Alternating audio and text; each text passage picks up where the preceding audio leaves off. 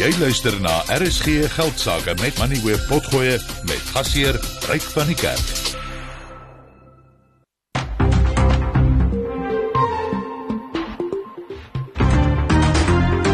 Jy luister na RSG Geldsaake met Ryk van die Kerk. Jou betroubare bron vir sake en beleggingsinsigte. Goeienaand en hartlik welkom by vanaand se program. Die internasionale betalingsgroep Mastercard het 'n minderheidsbelang in MTN se finansiële dienste maatskappy gekoop. Nou, wat interessant is, is dat die transaksie 'n waardasie van sowat 100 miljard rand op hierdie maatskappy MTN Fintech plaas. En dit is meer as die huidige markwaardes van Santam, Investec, Old Mutual en Outsurance en dit is net net minder as die markwaarde van Netbank van 105 miljard rand. En ek dink baie finansiële instellings sal 'n bietjie skrik as hulle die waardasie sien op hierdie uh finansiële um, afdeling van 'n groot selfoonnetwerk. Dit moet beslis 'n 'n ontwrigting in hierdie bedryf veroorsaak. En ek gaan vanaand gesels met Kokkie Koeman van Denker Capital daaroor.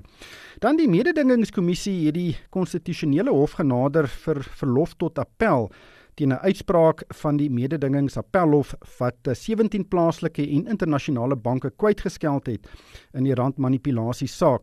Die kommissie vra nou vir verlof tot appel teen 13 van die banke wat basies deur die appelhof vrygespreek is. Uh, Netbank, Standard Bank en FirstRand is deel van hierdie groep en ek gaan met Amor Burger Schmidt van Werkmans daaroor gesels.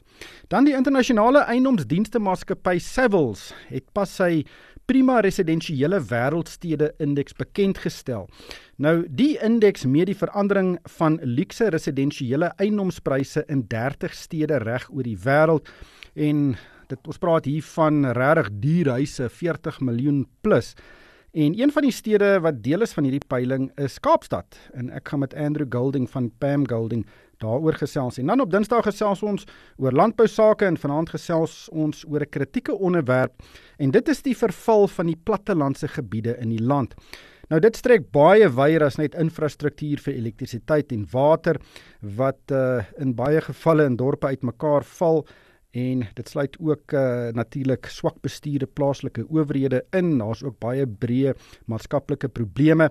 Maar die publikasie Landbou Weekblad wil iets daaraan doen en bied binnekort 'n interessante konferensie aan oor moontlike oplossings vir Suid-Afrika se vervallende platteland en ek gaan met Chris Burgess die redakteur van Landbou Weekblad gesels. Die insetsel word geborg deur Finband Groep Beperk. Kontak hulle op 0860442211 Finband Groep Beperk. En uh, dit beteken Henko Creer moet vir ons vertel wat het vandag op die markte gebeur. Goeienaand. Amerikaanse markte is tans gemeng met die Dow Jones wat 0,2% stewiger verhandel, maar die Nasdaq wat nou 0,2% laer verhandel. Die S&P 500 is tans onveranderd. Europese beurse het mooi in die groen gesluit met die FTSE 100, die Duitse DAX en die Franse CAC 40 elkeen 0,7% hoër. Ook hier by ons, die JSE het vandag 0,7% stewiger gesluit op 74559 punte. Die nywerheidsindeks sluit 1,2% hoër, die Hulbron indeks 0,7% stewiger en die finansiële indeks sluit 0,5% hoër. Naspers en Prosus het 'n goeie dag gehad, elkeen 3,5% stewiger aan die einde van die dag en Anglo het vandag 2% gewen. Maar British American Tobacco en AB InBev het elkeen 1% teruggesak. Ander maatskappye wat 'n bietjie meer as net 1% verloor het vandag was Montauk wat 9% laer gesluit het. Alphamin het 4% verloor, Motus, Sirius en Supergroup elkeen 2.5% af en Dischem, Harmony, South32 en Tungela elkeen 1.8% swakker. Aan die positiewe kant, Implats het vandag 2.5% stewiger gesluit. Pick n Pay, MTN en Sibanye Stillwater het elkeen 2% gewen en Capitec, Vodacom en Spar elkeen 1.9% hoër. Op die kommoditeitsmark is die goudprys 2030 dollar per fyn ons. Platinum is nou 910 dollar en palladium 950 dollar per fyn ons. Brent olie staan nou op 78 dollar 40 sent per vat en as ons kyk na die wisselkoers, het die rand 'n bietjie veld gewen vandag, staan nou op R18.87 teenoor die Amerikaanse dollar, R23.75 teenoor die Britse pond, R20.28 teenoor die euro en R12.28 teenoor die Australiese dollar. 'n Bitcoin kos nou 42900 dollar Dit is ook R827 000 en as ons kyk aan die plaaslike staatseffekte, die R186 verhandel nou teen 8,75% en die R209 verhandel teen 11,7%. Enkel baie dankie Chantel Marx is hoof van beleggingsnavorsing by FNB Private Wealth. Sy sit hier langs my in die ateljee. Goeienaand Chantel. Uh ja, tweede relatiewe rustige dag op die beurs. Ek dink baie beleggers sal dit vat. Um maar ek wil begin by die groot koöperatiewe storie van die week of uh seker al van laasweek af. Dit is uh MultiChoice wat in die versuur is van Kanaal Plus en uh hulle het vandag 'n bietjie die vinger gekry, die die wysvinger van die uh oorname regulasiepaneel. Hulle sê julle kan nie so in die media beklei nie. Die kommunikasie moet deur ons kom. Ja, en ek was nogals verbaas dat die kommunikasie nie deur hulle gegaan het nie. Ek meen dit het nie van Kanaal Plus afgekom nie en dit het ook nie van MultiChoice afgekom nie. En beide entiteite is deel van groot geluiste maatskappye. MultiChoice is 'n groot geluiste maatskappy. Hy ken die JSE se reëls en Kanaal Plus is deel van Vivendi wat in Frankryk 'n gelys is wat soortgelyke reëls het. Jy kan nie net jy kan nie net gaan na um, na raadslede toe en sê okay hierso's hierso's 100 R5 'n aandeel en nee, ons soek dit nie en niks van hierdie goed gaan deur daai paneel nie. Um dis vir my swaar 'n bietjie basies. Ja, ek dink daar was voorheen 'n geval, ek dink dis tussen um Impact en Caxton was daar ook 'n bietjie van uh kommunikasie deur die media en toe het die hierdie uh, sekuriteitspaneel gesê nee, daar moet 'n uh, bietjie meer reëls wees dat dit nie dat die hele onderhandeling nie in die media gevolg word nie. So dit ek weet ook, ek verstaan ook hoekom moet jy nou kommunikeer deur die reguleerder. So ek dink dit is net sodat hulle seker maak dit raak nie morsig nie. As jy onthou wat gebeur het met Caxton en Impact, dit was 'n moddergooiery heen en weer. Um en baie duidelik wou Impact nie oorgeneem word deur ge, ge, geword het deur um, Caxton nie. En hulle het klomp stories in die media geplant oor um, van hulle groot kliënte wat gaan waai en dinge soos dit en niks van daai goed het gerealiseer nie. Op die ou end het daai praatjies ook tot niet gegaan. Ek weet nie of daar nog goeters in die agtergrond aangaan nie maar ek meen dit was morsig en mense soek nie 'n soortgelyke situasie nie. Mense wil seker wees alles is regverdig. Aandeelhouers het al die feite wat hulle nodig het en dat die regte proses gevolg word want as aandeelhouers moet mens beskerm word Klink my of hierdie geleerder 'n bietjie woke is, maar kom ons los dit daar. Rainbow Chicken se eienaar is RCL en natuurlik dit hulle besit uh wel RCL besit 'n groot hoenderbesigheid in Rainbow Chicken. Vlerige jaar was 'n gemors in die hoenderbedryf. En die maatskappy het egter nou 'n handelsverklaring uitgereik en gesê luister ons het hierdie skip gedraai. Ja kyk as toe ons gedink het aan wat RCL gaan doen hierdie jaar. Hulle het hoender, hulle het suiker en dan het hulle 'n so vir 'n voedselproduk besigheid wat eintlik nogals redelik groot is en baie sterk is. So ons het gedink voedsel die voedselbesigheid gaan ehm um, redelik doen. Ons het gedink die hoenderbesigheid gaan 'n baie moeilike tyd hê. En dan was ons onseker oor wat met die suikerbesigheid gaan gebeur. Maar dit lyk asof die hoenderbesigheid baie beter gevaar het as byvoorbeeld Astral. Ehm um, Astral kan het baie gesê ook in terme van waarmee hulle sukkel en wat die probleme is, maar dit lyk asof Rainbow 'n klein bietjie beter gedoen het om daai probleme uh, of om deur daai probleme te werk. Uh, dan in hulle suikerbesigheid het pryse hulle ongelooflik baie gehelp en verbasend was die die die ehm um, verbruikersvoedselbesigheid was eintlik maar maar plat vir vir die jaar waar ons eintlik redelike goeie uitslae gekry het by byvoorbeeld I&J uh nog nie I&J nie AVI. I&J het gesukkel binne in AVI. Maar maar AVI het redelik goed gedoen en Tiger Brands het redelik goed gedoen met hulle Astral. Astral het 'n goeie aankondiging gedoen, ek dink vlere week. Ehm um, as ja, as Astral het ook gesê dinge lyk 'n klein bietjie hmm. klein bietjie beter. So ja, ek dink dit was redelik goed. Ek het nie verwag hulle gaan so so vinnig regkom nie. Wat vir my nou die vraagpunt is, is wat nou oor die re regulatoriese um inmenging in die in die hoenderbedryf op die oomblik want dit dit lyk asof tariewe gaan verlaag word vir ingevoerde hoender maar dit lyk asof Rainbow en Astral hulle self reg gekry het na hierdie na hierdie um hierdie voelgriep storie en dat hulle kan verskaf aan die plaaslike mark.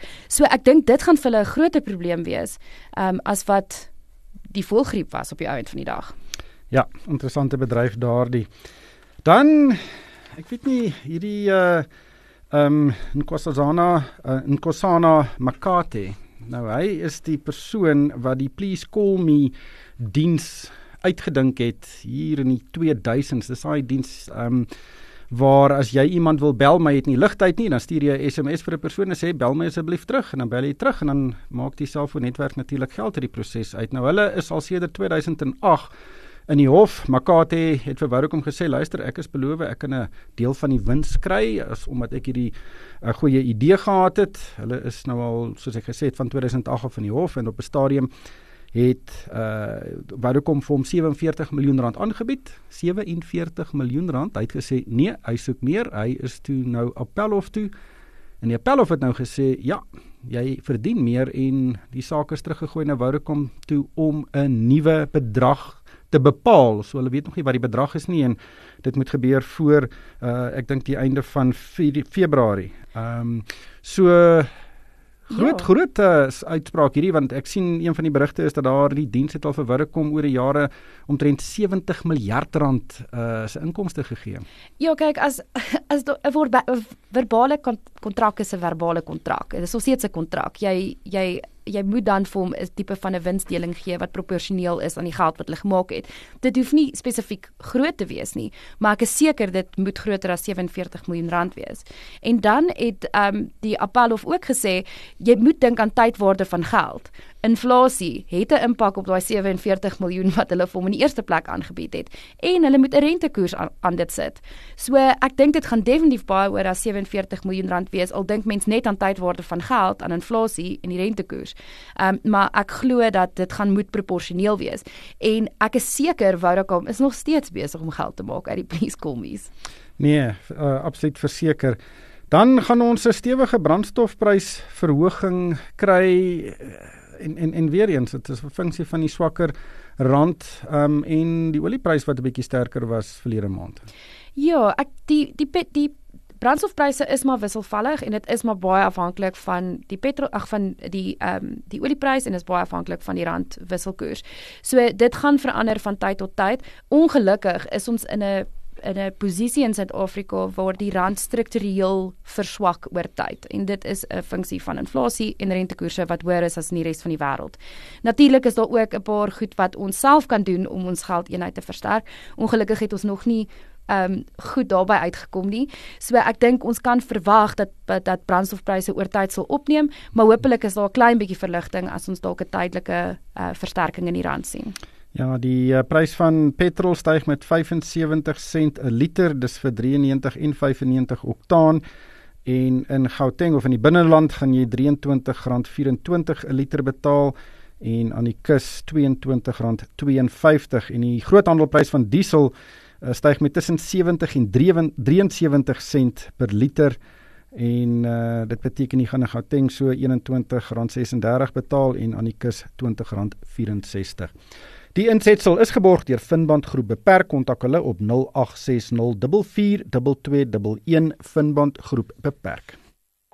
Standvastigheid konsekwentheid en betroubaarheid. Kwaliteite wat in hierdie onbestendige tye skaars en van onskatbare waarde is. Finbond Groep Beperk is 'n bewese bondgenoot sedert 2003 met nagenoeg 600 internasionale takke en 'n indrukwekkende baanrekord van gewaarborgde opbrengste op beleggings. Verdien 11% nominale rente per jaar op 'n 5-jaar termynbelegging van 1 miljoen rand of meer. Geen inisiasie of administrasie fooie word gehef nie en rente kan uitbetaal of gekapitaliseer word. SMS RSG na 30635 of e-pos deposito by finbond.co.za. Vir die belangrikste sake nuus, skakel in op RSG geldsaake. Die internasionale betalingsgroep Mastercard het 'n minderheidsbelang van uh, gekoop in MTN se finansiële dienste maatskappy. Die belegging beloop sowat 3,8 miljard rand. En wat interessant is, is dat die transaksie 'n waardasie op hierdie maatskappy MTN Fintech van sowat 'n 100 miljoen miljard rand eerder plaas. Nou die transaksie is daarop gemik om MTN se finansiële dienste besigheid uh, uit te brei en te help ondersteun. En MTN is reeds besig om Flix finansiële produkte aan sy 290 miljoen kliënte uit te rol. Hulle doen sake in 20 lande. Nou die groep het reeds aan die einde van 2022 70 miljoen gebruikers van sy MTN Money Money slimfoon toepassing gehad en uh, 13,4 miljard tra se transaksies is reeds verwerk en die waarde daarvan 4,4 triljoen rand. Nou die 100 miljard se waarde wat die transaksie op MTN Fintech plaas is wesentlik as dit met die finansiële instellings in Suid-Afrika vergelyk word. Santam se markwaarde byvoorbeeld staan op 33 miljard rand. Investec op 36 miljard. Old Mutual staan op 60 miljard rand, Outsurance op 64 miljard en Netbank op 105 miljard rand. Kokkie Kweyman is van Denker Capital. Hy is op die lyn. Kokkie, baie welkom by die program. Wat dink jy daarvan as 'n selfoongroep se finansiële dienste afdeling basies op dieselfde vlak as Netbank gewaardeer word, een van ons grootste banke? Ja, nee, ryk is baie interessant en en en ek het al geleer om om nie altyd te sê die mark is dom nie. uh, maar goed onthou 'n mark plaas die waarde op toekomstige verdienste strome. En wat die mark eintlik basies hier sê is dat uh MTN en veral die fintech gedeelte dan uh het 'n baie groot potensiële kliënte netwerk ehm uh, wat wat baie sterk kan groei en terwyl dit eintlik sê dat veral dan jou jou bankwese uh in Suid-Afrika nou versekerings se se groei is is beperk. Uh, daar is net soveel kliënte en dit is 'n baie ehm um, sterk kompetisie tussen al daai handelsmerke wat jy genoem het. En dus dit dit beïnvloed die marges en en die groei. En terwyl jy weet jou fintech uh besighede hier en ons sien dit ook Brasilië en Indië en China uh het het baie sterk groei potensiaal uh vir alles wat Afrika ook insluit. So ek kan verstaan hoekom uh Mastercard uh bereid is om hiervoor te betaal. Ja, miskien het hulle te veel betaal, dit kan sal ook daardie som beïnvloed, maar dit is 'n uh, eh, eh, dit is baie duidelik dat selfoonnetwerke se tradisionele sakemodel 'n bietjie op sy kop gekeer is met datadienste. Uh, want mense kan basies nou verniet bel op 'n netwerk as jy nou 'n Wi-Fi areas byvoorbeeld of 'n baie goedkoper bel as tradisionele ehm um, uh selfoonoproepe uh deur WhatsApp en en dis meer. Ehm um, en hulle diversifiseer nou baie baie aggressief in ander markte en en finansiële dienste is een van hulle en natuurlik het 'n uh, MTN om 290 miljoen mense. Dit is 'n groot kliëntebasis en as hy nog mense in sy ekosisteem kan intrek, kan dit op die langtermyn 'n uh, 'n baie interessante ontwikkelende bedryf wees wat finansiële instellings, tradisionele instellings raak, nie waar nie? Ja, ek meen uh, daar's 'n daar's 'n tegniese term in Engels praat van die die flywheel effek. So jy, jy dink aan aan die wiel wat draai. So ehm um, hoe meer produkte of eers jy wil jy wil die wiel of jy veel kliënte vermeerder. En hoe meer kliënte jy het met dieselfde lae koste basis, hoe groter word jou wins. Maar dan tweedens geleidelik wil jy ook al meer produkte daarby sit. Uh nou goed, onthou net as jy dit vergelyk met met banke en versekerings uh, is is is daar 'n verskil in dat die produkte waar uh, die selfoonnetwerke uh, beweeg word nie so swaar gereguleer nie. En is baie keer ook makliker oor grense heen uh, ook nie so maklik wees dan nie maar maar maar dit is 'n transportable besigheid. Terwyl sien maar bankwese en versekeraar versekeringwese is baie moeilik om te skuif van een land na 'n ander. Maar daar is 'n aantrekkingskrag in as jy eers 'n hoeveelheid kliënte het uh, om dit dan te groei en en en die wins dan sodoende uh te verhoog. Onthou ook net een ding en ons ek seker ons sal nou net daarby uitkom maar baie van hierdie transaksies is natuurlik 'n lae waarde transaksies. So jy moet baie van hulle doen. Sê jou stelsel moet baie goed wees. Ja, absoluut. Ehm um, maar dink jy daar's dalk 'n selfoonbank, maar 'n volwaardige sê maar 'n MTN bank of 'n Vodacom bank op die horison wat baie meer direk met die bestaande banke gaan meeding. Ja, onwaarskynlik. Uh in veral in China het het het het uh, Alibaba en en van die ander spelers Tencent het ook probeer uh en daar het die reguleerder het, het sterk ingegryp. Onthou bankwese is word baie sterk gereguleer veral aan die deposito kant. En nou goed om om te leen, moet jy deposito's kan neem of op 'n ander manier moet jy finansiering kry. So uh en selfs aan die reguleer aan die leningskant word dit al meer gereguleer. So sover het het jou jou selfoonnetwerke en ander uh, finansiële dienste maatskappye of of in die, wat aan die aan die rand staan gehuiwer om direk in so swaar gereguleerde industrie betrokke te raak. Ja, regulasies uh is uh, is iets wat soos jy nou sê hier 'n baie baie groot rol speel. Maar as jy 10 jaar in die toekoms inkyk, hoe hoe dink jy kan die bankbedryf en veral die winsgewendheid van banke geraak word deur mense wat dan baie keer nou eerder produkte van hulle selfoonnetwerk kan gebruik as wat hulle miskien tans uh, by hulle eie bank gebruik? Ja. Ja, kyk, ek ek dink wat ons wel sien uh en en ook meer sal sien is samewerking tussen die twee en dan gaan dit oor 'n bank wat sê maar saamwerk om om toegang te kry tot die uh kliëntnetwerk van die selfoonmaatskappy en en dit gee hom dan nie vermoë om dan sy produkte of deposito's of of lenings of ander produkte uh, te verkoop of versekeringsprodukte aan daai netwerk en en jy sien dit al hoe meer gebeur. Ehm uh, maar maar dit bly steeds moeilik uh in terme van die banke probeer natuurlik self ook. Ons ons het pas twee baie goeie voorbeelde in die wêreld die een was Tinkoff of is nog steeds hulle gaan nog steeds aan agter nou letterlik die eystergordyn in Rusland.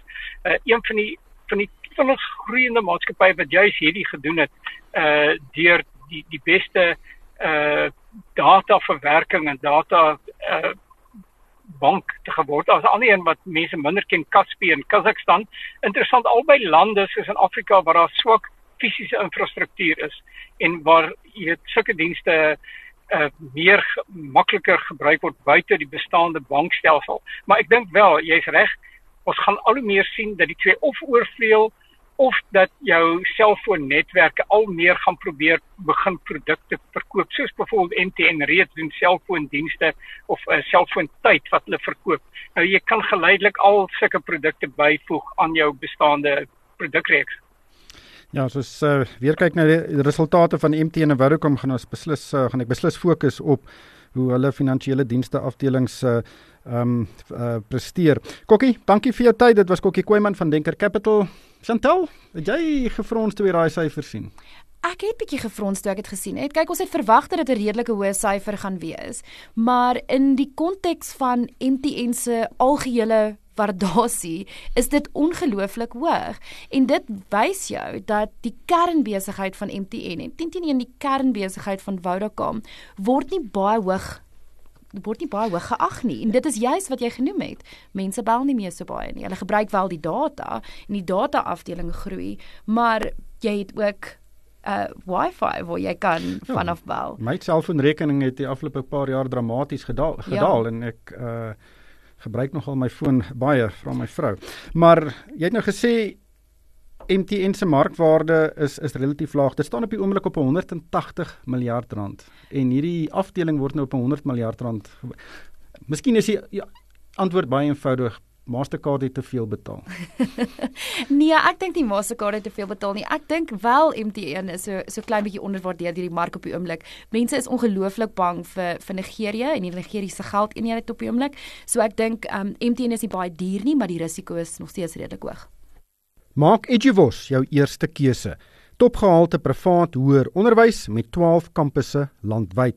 Meer as 20 geakkrediteerde kwalifikasies wat internasionaal erken word in die fakulteite toegepaste wetenskap, handel en regte, geesteswetenskappe en inligtingstegnologie. Studeer voltyds, deeltyds op kampus en aanlyn begelei deur ervare dosente. Konnekteer ook met finansieringsvennote en eksterne beursgeleenthede. Vind jou kampus en skryf vandag nog in op www.eduvos.com. Eduvos, jou opvoeding, jou toekoms. Daar is geen geld sake met Moneyweb. Elke week saam tussen 6 en 7. Die mededingingskommissie het die konstitusionele hof genader vir verlof tot appel teen 'n uitspraak van die mededingingsappelhof wat 17 plaaslike en internasionale banke kwytgeskeld het in die randmanipulasie saak. Die mededingingsappelhof het onder meer gevind dat die kommissie nie die jurisdiksie het om buitelandse banke te vervolg nie. Die 17 het deel gevorm van 'n groep van 28 wat die mededingingsowerhede wil vervolg op klagte dat hulle tussen 2007 en 2013 saamgesweer het om die wisselkoers te manipuleer. Die kommissie vra nou vir verlof tot appel teen 13 van hierdie banke wat basies vrygespreek is en dit sluit in Netbank, Standard Bank en FirstRand. Amor Burger Schmidt is op die lyn sies van die prokureursgroep Werkmans. Amor, baie welkom by die program. Dis die storie van Suid-Afrika. As jy verloor in die hof, dan appeleer jy en as jy as jy jou saak verloor in die appelhof, dan gaan jy konstitusionele hof toe. Dink dink jy die kommissie het 'n saak? Nancy Ryk. Ja, inderdaad, daar's baie prosesse en ek dink weet in oor die algemeen kan dit mense gefrustreerd laat want hulle voel of sake nooit afgehandel word nie maar ek bedoel dit is die uh, robuuste regstelsel wat ons het. En as ons kyk na die mededingingsraad ek dink nie hierdie is 'n verrassing vir enige een in ehm um, wat betrokke is by die aangeleentheid en spesifiek op mededingingsreg fokus nie. Almal het maar verwag dat die mededingingsraad sal voortgaan en appel aanteken. En as jy my vra, dink ek hulle het 'n saak, moet ek dit soos volg antwoord dat ek wil ons weet daar is nou verskeie fluitjieblasers ehm uh, wat aan die mededingingsraad inligting gee en uh, hulle moet um, in hulle klagstaat 'n saak uitmaak ten einde dit voort te vat. So ek bedoel is dit dan nou maar die spreekwoordelike waar daar rookie trek is daar vuurtjie, maar daar is definitief iets aan die gang wat on, wat hulle ondersoek reik en ek, dit is die aangeleentheid wat hulle nou al vir al die jare dryf deur al die regsprosesse wat regmatig aangehoor moet word. Ja, absoluut. Uh, wat is hulle grondwetlike of die grondwetlike saak wat hulle nou voor die konstitusionele hof plaas van die die hof baie mense sien die konstitusionele hof miskien as 'n appelhof van die appelhof wat dit natuurlik glad nie is nie. Ja, kyk, die konstitusionele hof is is ons hoogste hof en die laaste instansie wat jy op enige aangeleentheid kan nader. Maar ja, dit is dit is inderdaad so dat daar sekere beginsels is wat so aansoek dryf en as ons nou kyk na hierdie saak wat wat die mededingingsraad voorhou.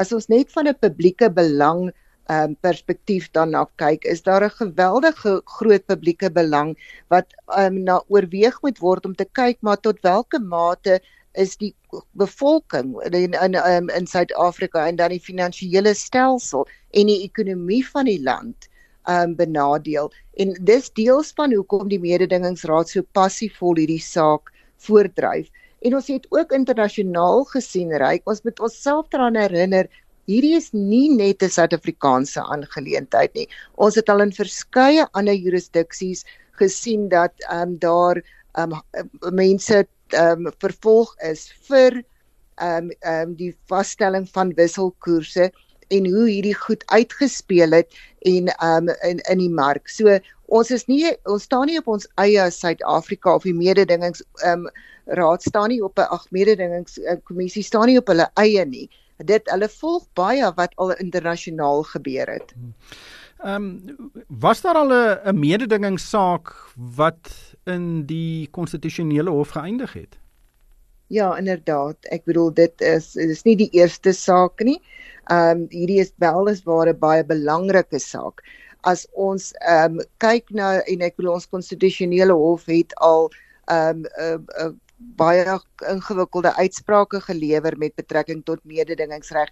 Jy weet dit is 'n baie interessante konsep want ons het die ehm um, mededing uh, mededingingsappelhof ehm um, wat dan nou regters het wat diepsporig al geloop het in mededingingsreg en en wel ervare is in mededingingsreg en ek dink dit is baie keer kritiek wat gerig word teen die konstitusionele hof want daar sit ons weliswaar met uitstekende regters maar nie baie van hulle het nou al ondervinding in mededingingsreg nie want ek bedoel van mededingingsreg is op, op 'n manier 'n anomalie want daar's altyd reg maar daar's ook altyd ekonomie betrokke. Nie soseer in hierdie geval nie want as ons kyk na karteloptrede dan um, is dit dood eenvoudig die die die wet wat toegepas word met betrekking tot die vervolging van karteloptrede. Maar dit is deel van die van die vraagstuk wat ons hiermee gekonfronteer word ryk is of daar 'n oorhoofse samespanning tussen al hierdie banke was en ek dit tyd sal ons nou leer as of ons daar of dit bewys sal word.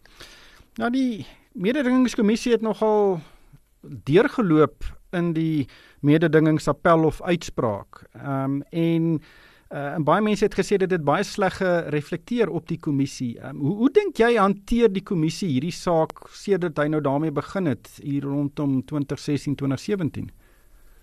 Kyk, e-, ek sou meen die die feit dat daar al 'n ronde was waar waar die ehm um, hof nou vir die mededingingsraad gesê het of die kommissie gesê het gaan terug gaan sit agter 'n tafel en stel 'n behoorlike klagstaat op. Ehm um, was 'n was in 'n manier 'n baie slegte oomblik sou ek voorstel ehm um, en graag wou sê vir die vir die mededingings ehm um, kommissie om te om 'n oor 'n klagstaat 'n behoorlike klagstaat is op daai stadium voorgevra te moet bymekaar sit. Ek bedoel dit is twee stappe vorentoe en een stap terug met hierdie aangeleentheid van waar hulle begin het in terme van die aanvanklike um, groep banke wat aangekla is toe 'n menigte bygevoeg. Toe is daar doodeenvoudig deur die banke gesê maar ek wil ons kyk na 'n klagstaat maar niemand op aarde weet wat ons eintlik moet pleit nie. Wat is die klagte teen ons en hoe moet ons self onsself verdedig? Nou daar het hulle nou 'n nou spreekwoordelike tweede byt gekry aan die aan die appel om dan 'n verdere klagstaat um, daar te stel. Maar waar ons nou ook staan met die, die met die laaste uitspraak teen hulle is die die geval van daarop gesê is maar julle wil banke vervolg wat die houermaatskappye is. Ehm um, en ek bedoel hoe ver jy kan nie die net so ver gooi in span soos wat jy nou wil as 'n mededingingsautoriteit nie. Ek bedoel daar is sekere reëls wat dit tog tog be, um, beïnvloed en in ehm um, vir jou leiding gee daar rondom. Ek dink een groot punt um, ryk wat ons net aan die luisteraars ook dalk moet verduidelik is as ons kyk na jurisdiksie en of die mededingingsraad jurisdiksie het om die banke te vervolg is dit nie bloot 'n vraag of jy 'n 'n geregistreerde maatskappy in Suid-Afrika is nie of jou domisilium in Suid-Afrika is nie. Daar's ook 'n effek toets wat toegepas word deur um, die mededingings um, kommissie en dit is spesifiek vir voorsiening gemaak in die wet om te kyk is is, is daar sekere optrede wat 'n effek het in Suid-Afrika en derhalwe is dit waarna die mededingingskommissie kyk om nou soveel banke en dan nou buitelandse banke um, te vervolg in hierdie aangeleentheid. Amor baie dankie vir jou tyd. Dit was Amor Burger Smit van Werkmans. Chantel, wat is jou siening hieroor? Ja, ek dink dit is dis dis bitter interessant en ek ek ek dink mens mens moet 'n goeie saak voorsit voordat jy eintlik na die dat die of toe gaan en voordat jy eintlik hierdie goed probeer beklei. Ehm um, of 'n punt probeer bewys of 'n uh, ehm um, 'n uitkoms op dit kry. So ja, ek dink dit gaan maar lank ek dink dit gaan 'n lang storie word. Ek dink dit is klaar 'n lang storie. Ja, die oortredings is tussen 2007 en 2013. Ja. Dit is meer as 10 jaar gelede. Ehm um, ja, en hierdie saak gaan seker nog steeds 'n hele paar jaar wees. Ek kan ja. nou net dink as 18 28 banke se uh, of ek seker nou nie meer 28 nie, maar onder 24 banke se regslyn in een kamer sit, gaan dit nog wel 'n 'n beknopte affære wees.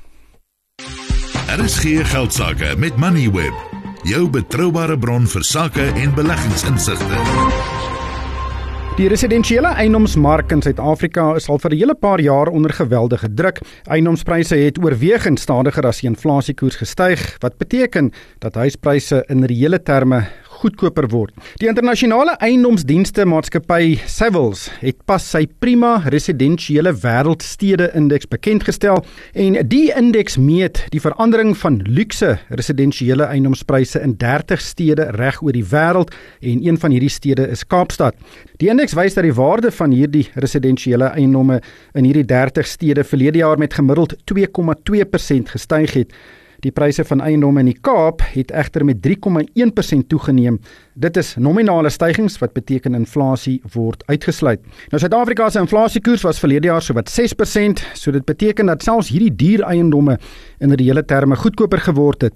Andrew Golding is op die lyn. Hy is die uitvoerende hoof van Pam Golding. Andrew, thank you so much for your time tonight. Just exactly what is a prime residential property? Rick, I think it's a very difficult thing to define accurately, but essentially it refers to the top end of residential markets around the world, and particularly in this case from a Savills point of view in terms of cities around the world. It refers to, I suppose, the top one or two percent of those markets wherever they happen to be. But these are the top 40 million plus type of properties, I would assume. In terms of what's been happening in Cape Town and the Western Cape generally, there has been an exponential increase in what we would define as the top end of the market. So not that long ago, 50 million was the ceiling. Then 100 million became the ceiling, and now around about 200 million is probably where the ceiling is in certain very select properties in the Western Cape and Cape Town in particular. The 3.1% growth achieved, this is in the capital value, it's pretty much in the middle. You know, if we exclude the inflation rate in South Africa, many prime cities around the world saw similar type of increases. Rome 3.3%, Barcelona 3.4, Milan 2.5, Lisbon 1.6. So how do you view this increase in value of 3.1% in Cape Town? From a statistical point of view, it is in the middle of where the global cities index is. Anecdotally, from a Cape Town perspective, there are a number of segments to the very top end of the market. So this doesn't take that into account. I think that what's happened in many cities around the world is that the very top end of those markets are commoditized in dollar terms. And so one is comparing a property in New York with a property in Clifton in Cape Town and comparing those prices on a dollar based viewpoint. And so, from that perspective, the growth rates are comparable. And I think, generally speaking, last year was a relatively muted year for residential property, generally speaking. And so, that house price growth number is probably where we would expect it to be. From the report, it's quite evident how cheap Cape Town is. You refer to New York. Now, a square meter of such properties go for around 480,000 Rand in New York, and in Cape Town it is around 46,000 Rand. But I would assume that is a function of the exchange rate. It's a function of the exchange rate. It's a function of the fact that we are a rand based economy and that the overwhelming predominance of transactions that takes place in South Africa are South Africans to South Africans. But nevertheless, there is a small segment of our market which is effectively attracting foreign interest and where Cape Town is perceived to be firstly extremely attractive, both from the point of view of what it offers, but also in terms of a comparable price number. And for years, we've worked on a relative comparison of around 10 times. So a property in whether it's Paris or New York or London is generally speaking, if one is able to compare apples with apples, around about 10 times as cheap or as expensive, depending on which way you look at it. You refer to South Africans buying many of these properties. Obviously, this survey is aimed at an international perspective. What is the demand for these properties from foreigners like? The market is predominantly a South African market across the South African residential sphere, generally speaking. At the very top end, there is a slight more emphasis on international purchases who obviously have potentially greater purchasing power. But generally speaking, we're talking about somewhere around 1% of the total number of properties sold in the country are being sold to foreigners. If one looks at specific suburbs, specific areas within Cape Town or the Atlantic seaboard as an example, that number might jump to 5 or even 10% but it certainly isn't the dominant buying force that you would think it is. But at 10%, it is a significant number. That 1% which was achieved, how does that compare with previous years? So that's relatively stable. You know, I think that across the total market, if one looks at the South African market, there are around 250,000 properties that are exchanged every year. So 1% of those are being bought by foreigners. In fact, it's probably less than 1%. If you look at it in absolute numbers, it's closer to 1% in terms of value. It really is a very small number. The report also highlights that the costs of buying a house in Cape Town, and I would say probably per definition South Africa, is very expensive. The index shows that for somebody to buy, hold, and sell a property in Cape Town, the cost would represent around 20% of the value. Now, this is for sales of $2 million or more. Singapore runs at around 70%, but there are some external factors influencing that. But 20% costs, it seems excessive. Our transaction costs have always been relatively high compared to the rest of the world. It is a factor that anyone purchasing here needs to take into account. And that is obviously a purchasing consideration and then a selling consideration. So we normally look to advise people around the fact that the initial transaction costs are somewhere around 8 to 10%, and that then, should you wish to sell later on, one needs to consider that those exiting transaction costs are also around 8 to 10%, but we always advise that property is a long term hold. So I think one's got to take a view on house price growth over the medium to long term of that purchase. And obviously, if you're looking to come out on the right side of the investment equation, then one would need to have a capital uplift of significantly more than those transaction costs in order to, to have a positive return. Now, obviously, these are absolutely prime properties, but it seems like there is some price pressure, like we've seen in all segments in the South African residential property market.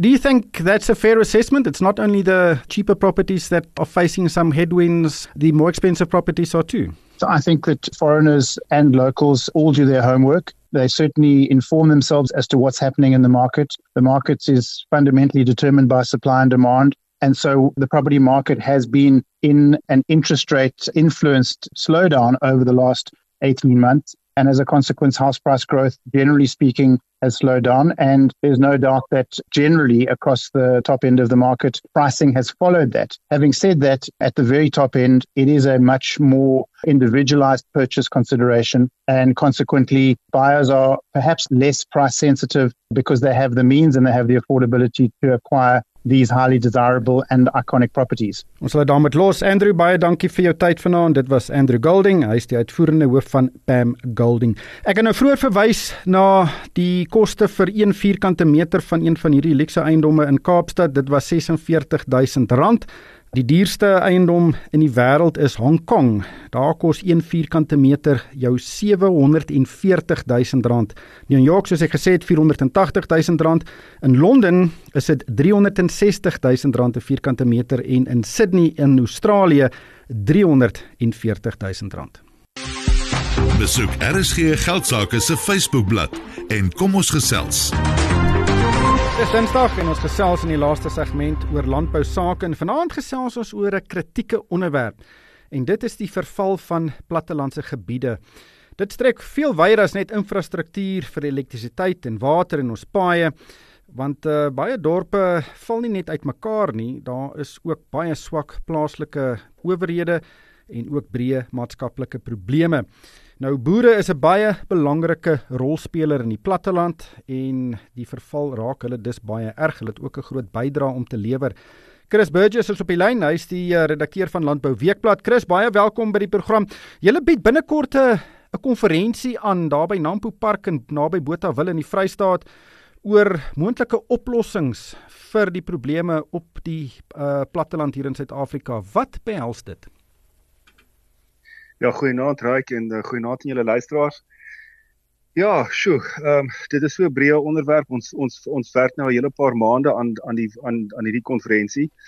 Ehm um, so ehm um, ja, basies wat ons gedoen het is om te sê jy weet ons ons bedieningsgebied is in die in die platteland en ek wil ons jy weet baie van ons kom van die van die platteland af. My broer boer self in die Noord-Oos-Kaap. Jy weet ek ek kom self van 'n klein dorpie in die Noord-Weskaap. So ons het ons ons sien hoe die verval plaasvind en en en en en hoe dit uh uh hoe dit landbou impakteer. Jy weet 'n goeie vriend van my, uh, Klot Kloete daar in die Noord-Weskaap berge wat met met met Marinos boer. Hy sê altyd jy weet die grootste bedreiging vir landbou waar hy boer is vrouens want niemand wil daar in die gopse gaan bly in 'n vervalle area waar daar nie hospitale is of skole nie. Jy weet geen geen vrou wil daar gaan bly nie. So die jong boere trek nie terug nie.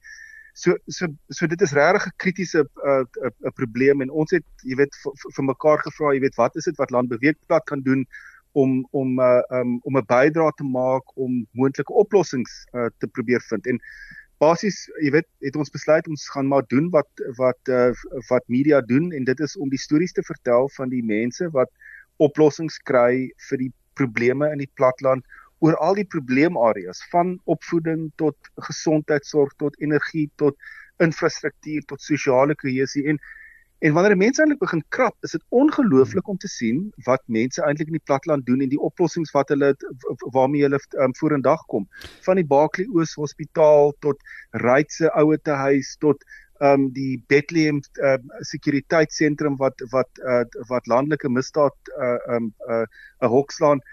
So ons so so die gedagte is om 2 dae by Nampo Park in Botawil wat uh, die wat die basies die tempel van landbou is bymekaar te kom en so 60 sprekers te hê oor 2 dae wat elkeen wat wat wat elkeen inkom en 10 minute kry om 'n storie te vertel wat die probleem is, wat hoe hulle dit aangespreek het, wat die oplossing is en ehm um, wat se impak hulle gemaak het. En hooplik ehm um, na die 2 dae gaan mense redelike 'n uh, 'n uh, uh, oplossing oor al die probleemareas in die platland hê vir vir wat in die platland uh, uh, um, uh, gebeur en en die mense gaan op bietjie met mekaar kan ja. praat en bietjie momentum bou. Ja, ek het nou ook al ek ek gekyk deur julle luisprekers, daar baie interessante mense, maar jy miskien een of twee net gevalle studies van wat al iewers gebeur het wat regtig 'n 'n positiewe uitkoms gehad het en nog steeds het. So so so natuurlik daar's daar's Frankfurt, die die baie bekende voorbeeld van die Frankfurt gemeenskap wat besluit het om hulle eie sonplaas op te rig om die uh, dorp met met uh, uh met uh elektrisiteit te voorsien. Um en ek gaan nou nie aan al die detail ingaan nie, maar dit is 'n ongelooflike voorbeeld van van 'n van 'n gemeenskap wat het gesê het, weet jy, ons gaan die grootste probleem wat ons moontlik het, ehm um, gaan ons gaan ons tromp oploop en 'n en 'n en 'n oplossing vir kry. Jy weet ene wat wat wat ek ook dink so ongelooflik is is in Priska. Jy weet, hulle het 'n klomp boere daar, um, hulle het uh, een van hulle hulle vriende het het, het hulle was uit die dag um, uh, met hulle motorfietsse ou het seer gekry baie seer gekry en um hulle het net jy weet hulle was net gelukkig om hom uh, by hospitaal betyds te kry. Toe besef die boere maar weet jy ons het ons het 'n ons het 'n kliniek op die dorp en daar nodig jy weet in geval iets regtig sleg gebeur moet ons moet ons mense kan kan help. En toe het hulle kliniek uh, opgesit. Hulle het 'n dokter gaan uh, gaan uh, gaan soek in in Port Elizabeth die ou um, en sy familie opgekry um, en nou het hulle regtig so van 'n 'n uh, 'n uh, kliniek in in in, in Priska ingeval hulle uh, ernstige uh probleme um, optel dan dan dan dan het hulle die kliniek of by Koster hmm. waar hulle die die waterwerke oorgeneem het. So ja, ongelooflike stories van van mense wat wat werklike probleme ja. oplos in die platland. Dan net laastens, wanneer hoeveel wie moet daar wees? Ryk, dis die 20ste en 21ste Februarie, dis nou oor 2 weke by Nampo Park in in um, in Bodawil. En ehm um, ja, mense kan hulle kaartjies gaan koop by Quicket, ehm um, uh op die aanlyn platform. Enige iemand wat 'n probleem het, ja, stuur net vir ons 'n 'n e-pos by events@landbou.com en um, ons sal julle um, uithelp en jy weet, ja, ons hoop mense kom, ek hoop mense kom luister aan die stories en ek hoop ons kan 'n bietjie momentum bou om uh, om 'n uh, uh, 'n bietjie positiewe verandering op die platteland te bewerkstellig. Ja, dis 'n uh, is 'n goeie inisiatief. Kan mense aanlyn inskakel?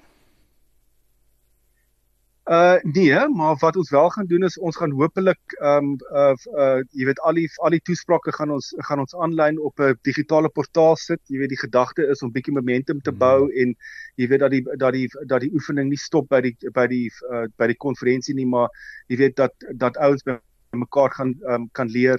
So ons sal al die al die toesprake op 'n call sal ons sal ons digitaal beskikbaar maak. Chris, dankie vir jou tyd. Sterkte met hierdie goeie projek. Dit was Chris Burgess, hy's van Landbou Weekblad. Daar is hier geld sake met Moneyweb. Elke week saam tussen 6 en 7. Sintel net vir ons groet, eh, die pensioenfondsbedryf wag nou al baie lank vir die finale wetgewing en regulasies oor die inwerkingstelling van die sogenaamde twee pot stelsel. Nou die stelsel stel voor dat mense tot 'n derde van hulle aftreegeld kan onttrek sonder om te bedank en dan die oorblywende 2/3 sal dan in 'n pot ingaan wat hulle net kan kry wanneer hulle aftree. Mense sal ook tot 'n maksimum van R30000 van hulle aftreegeld kan onttrek wat hulle reeds gespaar het voordat hierdie stelsel nou in werking tree. Maar dit lyk nou of daar nog 'n verandering op die tafel is. En uh, dit is vandag uh, uitgekom by tydens 'n voorlegging van die tesourier in die parlement.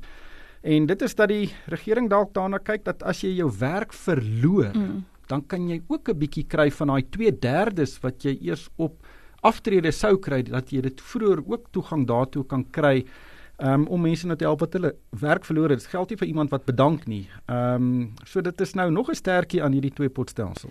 Ja, dit is dis redelik interessant en ek dink dit maak sin want ek dink dit is soms ongelooflik moeilik om terug op jou voete te kom as jy jou werk verloor.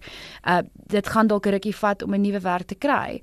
Dalk het jy op 'n vorige geleentheid toe jy werksekuriteit gehad het, het jy dalk daai 1/3 ehm um, het jy bietjie gebruik gemaak van daai 1/3 en nou is die nood groot. Die lewensonkoste is daar en ek dink dat as mens hierdie geld het, moet jy op 'n manier toegang tot dit kan hê as as jy in 'n situasie is waar jy regtig desperaat is en jy jou werk verloor het.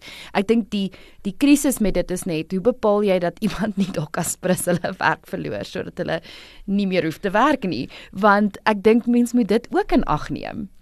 Ja, dit is 'n uh, eintlik 'n interessante herskikking of uh, van ons hele pensioenfonds bedryf, maar op die oomblik kan jy bedank en al jou geld vat ten minste met hierdie pot twee potstelsels sal ja. daar dan iets wees as jy die eendag aftree. Ehm um, Ja, want die, die probleem is dat dit dit raak die die staat se probleem as jy nie geld het vir jou aftrede nie. As jy in die knyp is en jy het al jou geld uitgeleef ehm um, in jou in jou vroeë aftrede. As 'n ou mens is jy dan dan arm en afhanklik van die staat en dis dis eerstens tragies en tweedens dit is ehm um, dit maak 'n groot dit het 'n groot impak op ons fiskus wat al klaar groot probleme het. Gaan ook 'n groot impak hê op die pensioenfonds bedryf. Uh ek dink die administrasie gaan dramaties meer wees, maar kom ons kyk eers wat gebeur. Daar moet nog baie water in die see loop. Chantel, dankie vir jou tyd. Dit was Chantel Mark, sy is hoof van beleggingsnavorsing by FNB Private Wealth. Luisteraars is welkom om na potgoeie van vanaand se onderhoude te luister. Dit sal so 'n rukkie beskikbaar wees by moneyweb.co.za en ons slimfoon toepassing. En daarmee groet ons van Palesa Matlala, Pieter Botha en Kokreer en vir my ryk van die kerk. Dankie vir die saamluister. Jy het geluister na RSG Geldsaake met Moneyweb Potgoe elke weeksdag om 7 na middag. Vir meer Moneyweb Potgoe, besoek moneyweb.co.za of laai die toepassing af en volg Moneyweb News om dagliks op hoogte te bly.